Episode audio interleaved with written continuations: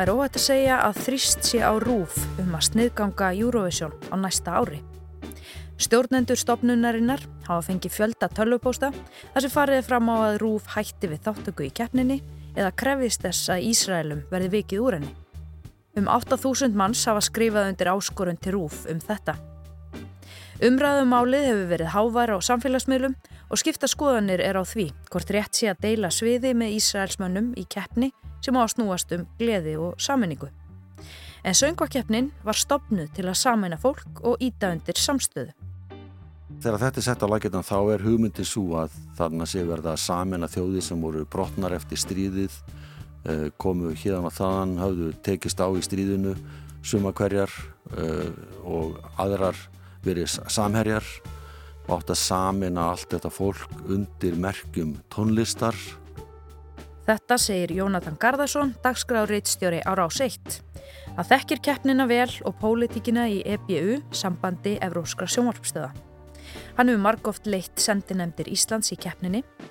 Á morgun ætlum að ræða meira við hann og fjalla nánar um þetta EBU batteri sem að fáir þekka en snýstum svo miklu meira en bara Eurovision. Keppnina sem á að vera óháð pólitík en litast nánast alltaf af einmitt pólitík. Og það er umfjöllunar efnið okkar í dag. Útarfstjórin Stefán Eiríksson hefur á sjálfsögðu orði var við skipta skoðinu fólks á þáttökur rúf í keppninni. Já, fyrst og fremst bara í, í gegnum tölupúst. Ég hef ekki fengið svona 30-40 tölupústa frá fólki sem hefur verið að senda okkur kvartningu um að, um að hérna, e, taka ekki þátt. Kemur þetta í greina? Ísland hefur tekið þátt í Eurovision alveg frá e, árunni 1986 og, og við e, stefnum ótrúða því að taka þátt í kefnin í, í Malmö í, í vor. Einn þeirra sem að sendt hefur rúf áskorun um að hætta við þáttöku er Vera Knútsdóttir, doktor í almennri bókmyndafræði og rítstjóri hjá forlæginu. Og ég er bara eina af þeim sem hefur fylst með hérna, þessari stigmögnun í þessu stríði, þessu hörmilegu stríði uh, á Gaza og það byrjar auðvitað, þú veist, þarna kannski í oktober þegar maður sér uh, til dæmis myndbönd frá UNICEF af hérna, fyrirburum í hitakassa og þau skilaboð um að, hérna, að ef þessum spítala á gasa berist ekki eldsneiti þá geta þau ekki knúið áfram ramagn og þá þarf að slökka á þessum hitakassum. Og ég deili þessu en ég er um, í leiðinu alveg sannferð um að alþjóðsamfélagið uh, grípi inn í Og til þess höfum við náttúrulega stopnarnir eins og saminuð þjóðunar en líka alls konar diplomatíst kerfi, utanríkisráðuneyti, utanríkisráðherra og maður leggur tröst sitt á að þetta fólk sé að starfa í þáu mannúðar og friðar. En svo gerist ekkert og svo veitum við bara hvernig fór fyrir þessum spítala þegar starfsfólk spítalans þurft að skilja þau eftir. Og það er ennþá ekkert gert og það er frustrerandi og grátlegt og ríkala sorglegt að fylgjast með því þegar bandaríkinn beita hérna neitunarvaldi í kostningu um álíktun um mannúðar hlið í öryggisræði saminuðu þjóðana og koma þannig í veg fyrir að það sé hægt að reyna allan að vinna, binda enda á þessar hörmungar. En mitt í öllu þessu kemur yfirlýsing frá Eurovision um að keppnin muni hérna fara fram á næsta ári og svo kemur listi yfir þáttakendur og þar á meðal er Ísrael á lista. Og það er bara rétt eins og ekkert hafi gæst, rétt eins og Ísraels hér hafi ekki farið fram með grimmúðlegasta hætti, drefið óbreytta borgara og sakljusbörn í þúsundatali og svo hafa náttúrulega aldrei fleiri bladamenn á jafnstöktum tíma látist. Og þess munnug hvernig Rúsland var útilegað frá keppninni í fyrra uh, þá ákveð ég að skrifa þeim sem standi fórsveri fyrir keppnina hér á landi, þess trúf, bref, þar sem ég legg til að að Ísland sniðgangi þessa keppni, þess að veiti fjárhæðinu sem að venjulega fer í að halda keppnina í hjálpastaf og gasa, eða B. Uh, fari fram á Ísrael verði vísa og keppni, bara eins og var gert í fyrra. Þú veist, við erum ekki búin að gleima því, þetta var fyrir árið síðan. Hérna, ég fæ svar frá Rúf þar sem mér er þakka fyrir postin og tjáð að Rúf muni ekki aðhafast í, hérna, með þetta og vera hlutlaus fjölmiðil og sko hugmyndin um að Rúf sé fjölmiðil og eigi að vera hlutlaus, að Eurovision keppnin sé hlutlaus er, finnst mér, reyn og klár lígi. Og þessi þögn og þetta þykistu hlutleysi sem að er í raun afstæða með stríðsherranum uh, þú veist, það afhjúpar daldið bara þá heimsmynd sem við búum við og gegn sýrir vestrænt samfélag og svona þessar viðteknu hugmyndir Evrópuþjóða sem byggja náttúrulega bara á ákveðni arleið nýlenduhyggju, heimsvaldastefnu og því meður rasisma.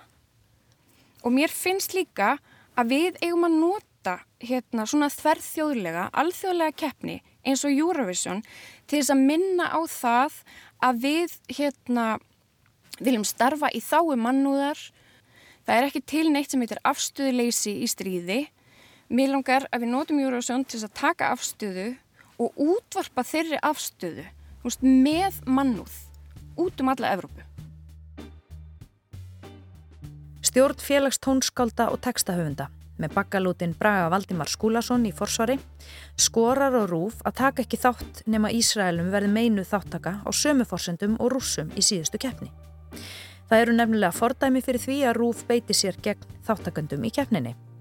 Í fyrra lögðust norrænu sjónvarpstöðarnar gegn því að rússar fengi að taka þátt vegna einrásar þeirra í Úkrænu. Beindu löndin þeim tilmælum til EBU að rússum eði meinu þáttaka. Á endanum var rússum sparkaður EBU og mistu þar með þáttökuréttin í Eurovision. Aftur að útvarpstjóra Stefáni Eiriksinni. Fyrir árið síðan þá sagðir þú að við höfum áhyggjur af stöðumála í Úkrænu. Við höfum verið í samskiptu við kollega okkar annar staðar á Norðurlöndunum sem deila þessum áhyggjum og það er mat okkar allra að það gangi ekki að rússar taki þátt í Eurovision við þessar aðstæður. Um, er að þínum að þið munur á þáttöku rússa og Ísraela í þessari keppni? Já, já, augljóslega er, er um, munur þar á um, og um, eins og núna líku fyrir þá hefur EBU tekið ákvörðunum það að hvaða ríki e, eða e, sjónvarstöðvar frá hvaða ríkjum e, takki þátt í úrslitum Eurovisionuna. Og munurinn á rúsum og Ísraelum er þá hver? Já, það er náttúrulega augljóst mál. Rúsum hefur verið vikið úr EBU sem á ekki við um almannaþjónustu miðlinn í, í Ísrael og ekki bara það heldur eru rúsnesk lið e, í ymsum íþróttakefnum og alþjóðlegum vettfangi bönnuð E, þannig að ég held að sá munur sé e, augljós, það hefur ekki verið tekin ákvörðunum það á alþjóðlegum vettfangi að, að e, meina Ísrael þáttöku í keppnum, hvort heldur sem er í fótbolta eða þegar um er að ræða söngvakeppnir. Mm. Nú er það ríki sem er í grimmilegu stríði og við sjáum daglega fréttir af hérna, hörmungar ástandi til dæmis á gassa hefur áhyggjur af stöðumála þar eins og það hafðir af stöðumála í Úkrænu fyrir árið síðan? Já, sjálfsögðu, stórkostlegar áhyggjur. Þetta er algjörlega eh, ömurlegt ástand sem eh, er þarna í gangi og, og ég eh, sé ekki hvaða leið er út úr því. Og því miður þurfum við að horfa upp á þetta ár eftir ár, áratug eftir áratug að það sé ekki hægt að leysa úr þessari um, flækju sem, sem að þarna er til staðar. E, þrátt fyrir alþjóða samfélagi hafi reynda einhvern marki að, að beita sér í málunum en án alls árangurs. Mm. Þegar umvararæða rúsa þá saðiru uh, í viðtal við Rúf að þú hefði fulla trú á því að EBU myndi taka á þessu máli af festu og ábyrð. Hvað heldur að EBU gerir í þessu málum Ísrael? Er endanlega niðurstaða komin?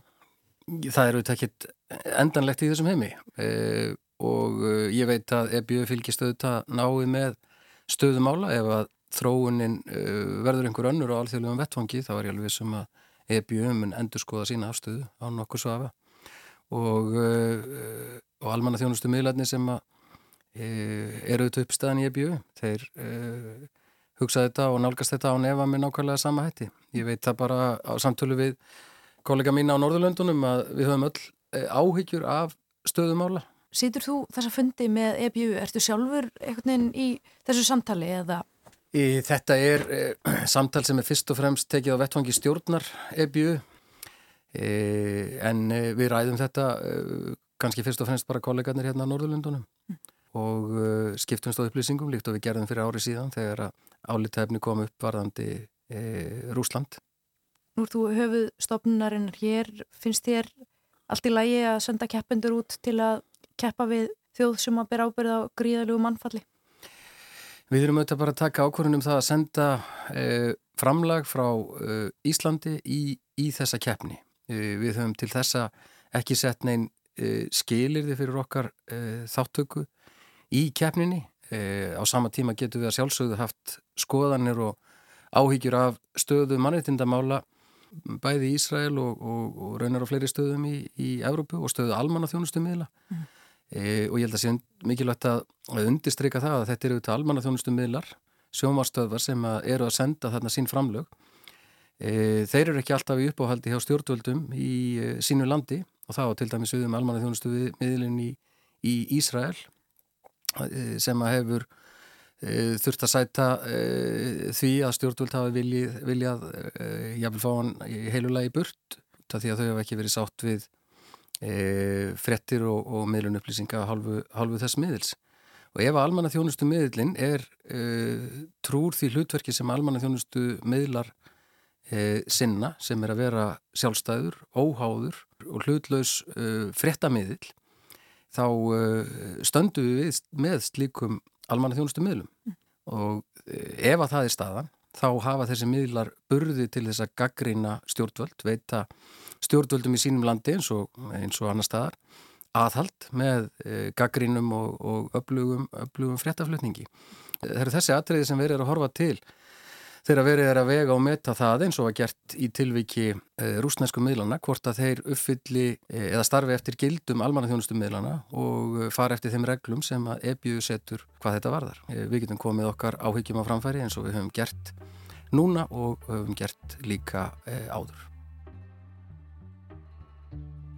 Næsta Eurovision keppni verður haldin í Malmö í Svíþjóð í mæ og það er ekki laustu Olgu í Malmö vegna þáttöku Ísraela í keppninni. Í borginni búa um 330.000 manns, rúmlega 40% af erlendum uppruna, þar af lang flestir frá Araparíkjum. Upplýsingafulltrúi lauraglunar í Malmö, Níls Norling, segir í samtali við sænska ríkisútarpið að hatursklæpum hafi fjölgað verulega í borginni að undaförnu. Daglega sjáist aðgerðir til stuðnings Palestínu og ekki sé þetta útiloka að fólk reyni að koma skoðunum sínum á framfæri þegar keppnin fyrir fram. Þú sem gömul lögga hefur haft áhyggjur af því sem snýra að öryggismálum við framkvæmt þessara keppni. Segð mér það svona frá því sem varðar keppnina fyrirhugðu í Svíþjóð í vor. Ég held að það uh, fara nú ekki fram hjá neinum uh, hvað er í gangi uh, í heiminum það hefur auðvitað áhrif á hættumat viðburða af þeirri stærðagráðu sem þannig er á ferðinni. Mögum ekki glema því að þetta er stærsti sjónvarsviðburður í heimi ef frá eru taldir eh, stærstu íþróttaviðburður. Hann vekur gríðarlega aðteglu um allan heim. Eh, þess vegna er og, og verður áfram öryggiskesla mjög mikil og þegar að bætast inn í eh, atburðir eins og við erum að horfa upp á núna fyrir botni miðrarhafs eh, þá einfaldar það ekki líf þeirra sem að bera ábyrð á öryggismálum í þessari kefni og við höfum komið, eða ég hef komið áhyggjum mínum af þeirri stöðu á framfæri við þá sem þar e, haldaðu máli og, Heldur það að vera hægt að halda þessa keppni eða heldur að vera bara hreinlega hættulegt að tryggja öllum hérna, fulltrúum allra ríkja öryggi? Það er alveg möguleiki í stöðunni að, að það verði einfallega ekki hægt að halda keppnina ef að, ef að e, ástandmála verður uh, mun þróast áfram með einhverjum, einhverjum hætti en, en uh, ég vona svo sannlega að það verði hægt að halda þessa keppni. Þú ert sjálfur mikil júrófisam maður, er það ekki?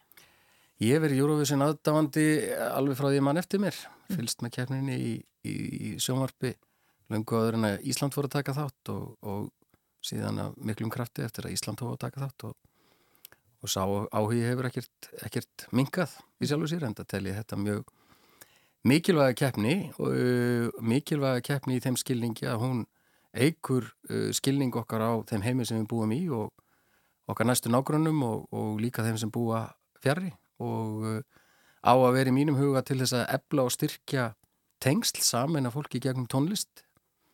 Og uh, mér þykir það auðvitað miður að, að uh, mál þróist með þeim hætti að, að það sé verið að reyna að blanda pólitíki í þetta. Og aðildar stöðvarnar eru í sjálf og sér ekki alveg saklausir í þeim efnum. Þær hafa stundum gert það með eftirminnilegum hætti og, og þar á meðal Ísland Þetta helst verður ekki lengra í dag. Á morgun heyru við meira langri og merkilegri sögu EBU samstarfsins sem að fæstir vita mikið um en hefur haft gríðarlega áhrif á fréttaflutning og menningamidlun í öllum aðildaríkjum sambandsins. Ég heiti Þóra Tómasdóttir, takk ykkur kærlega fyrir að hlusta í dag, við heyrust aftur á morgun.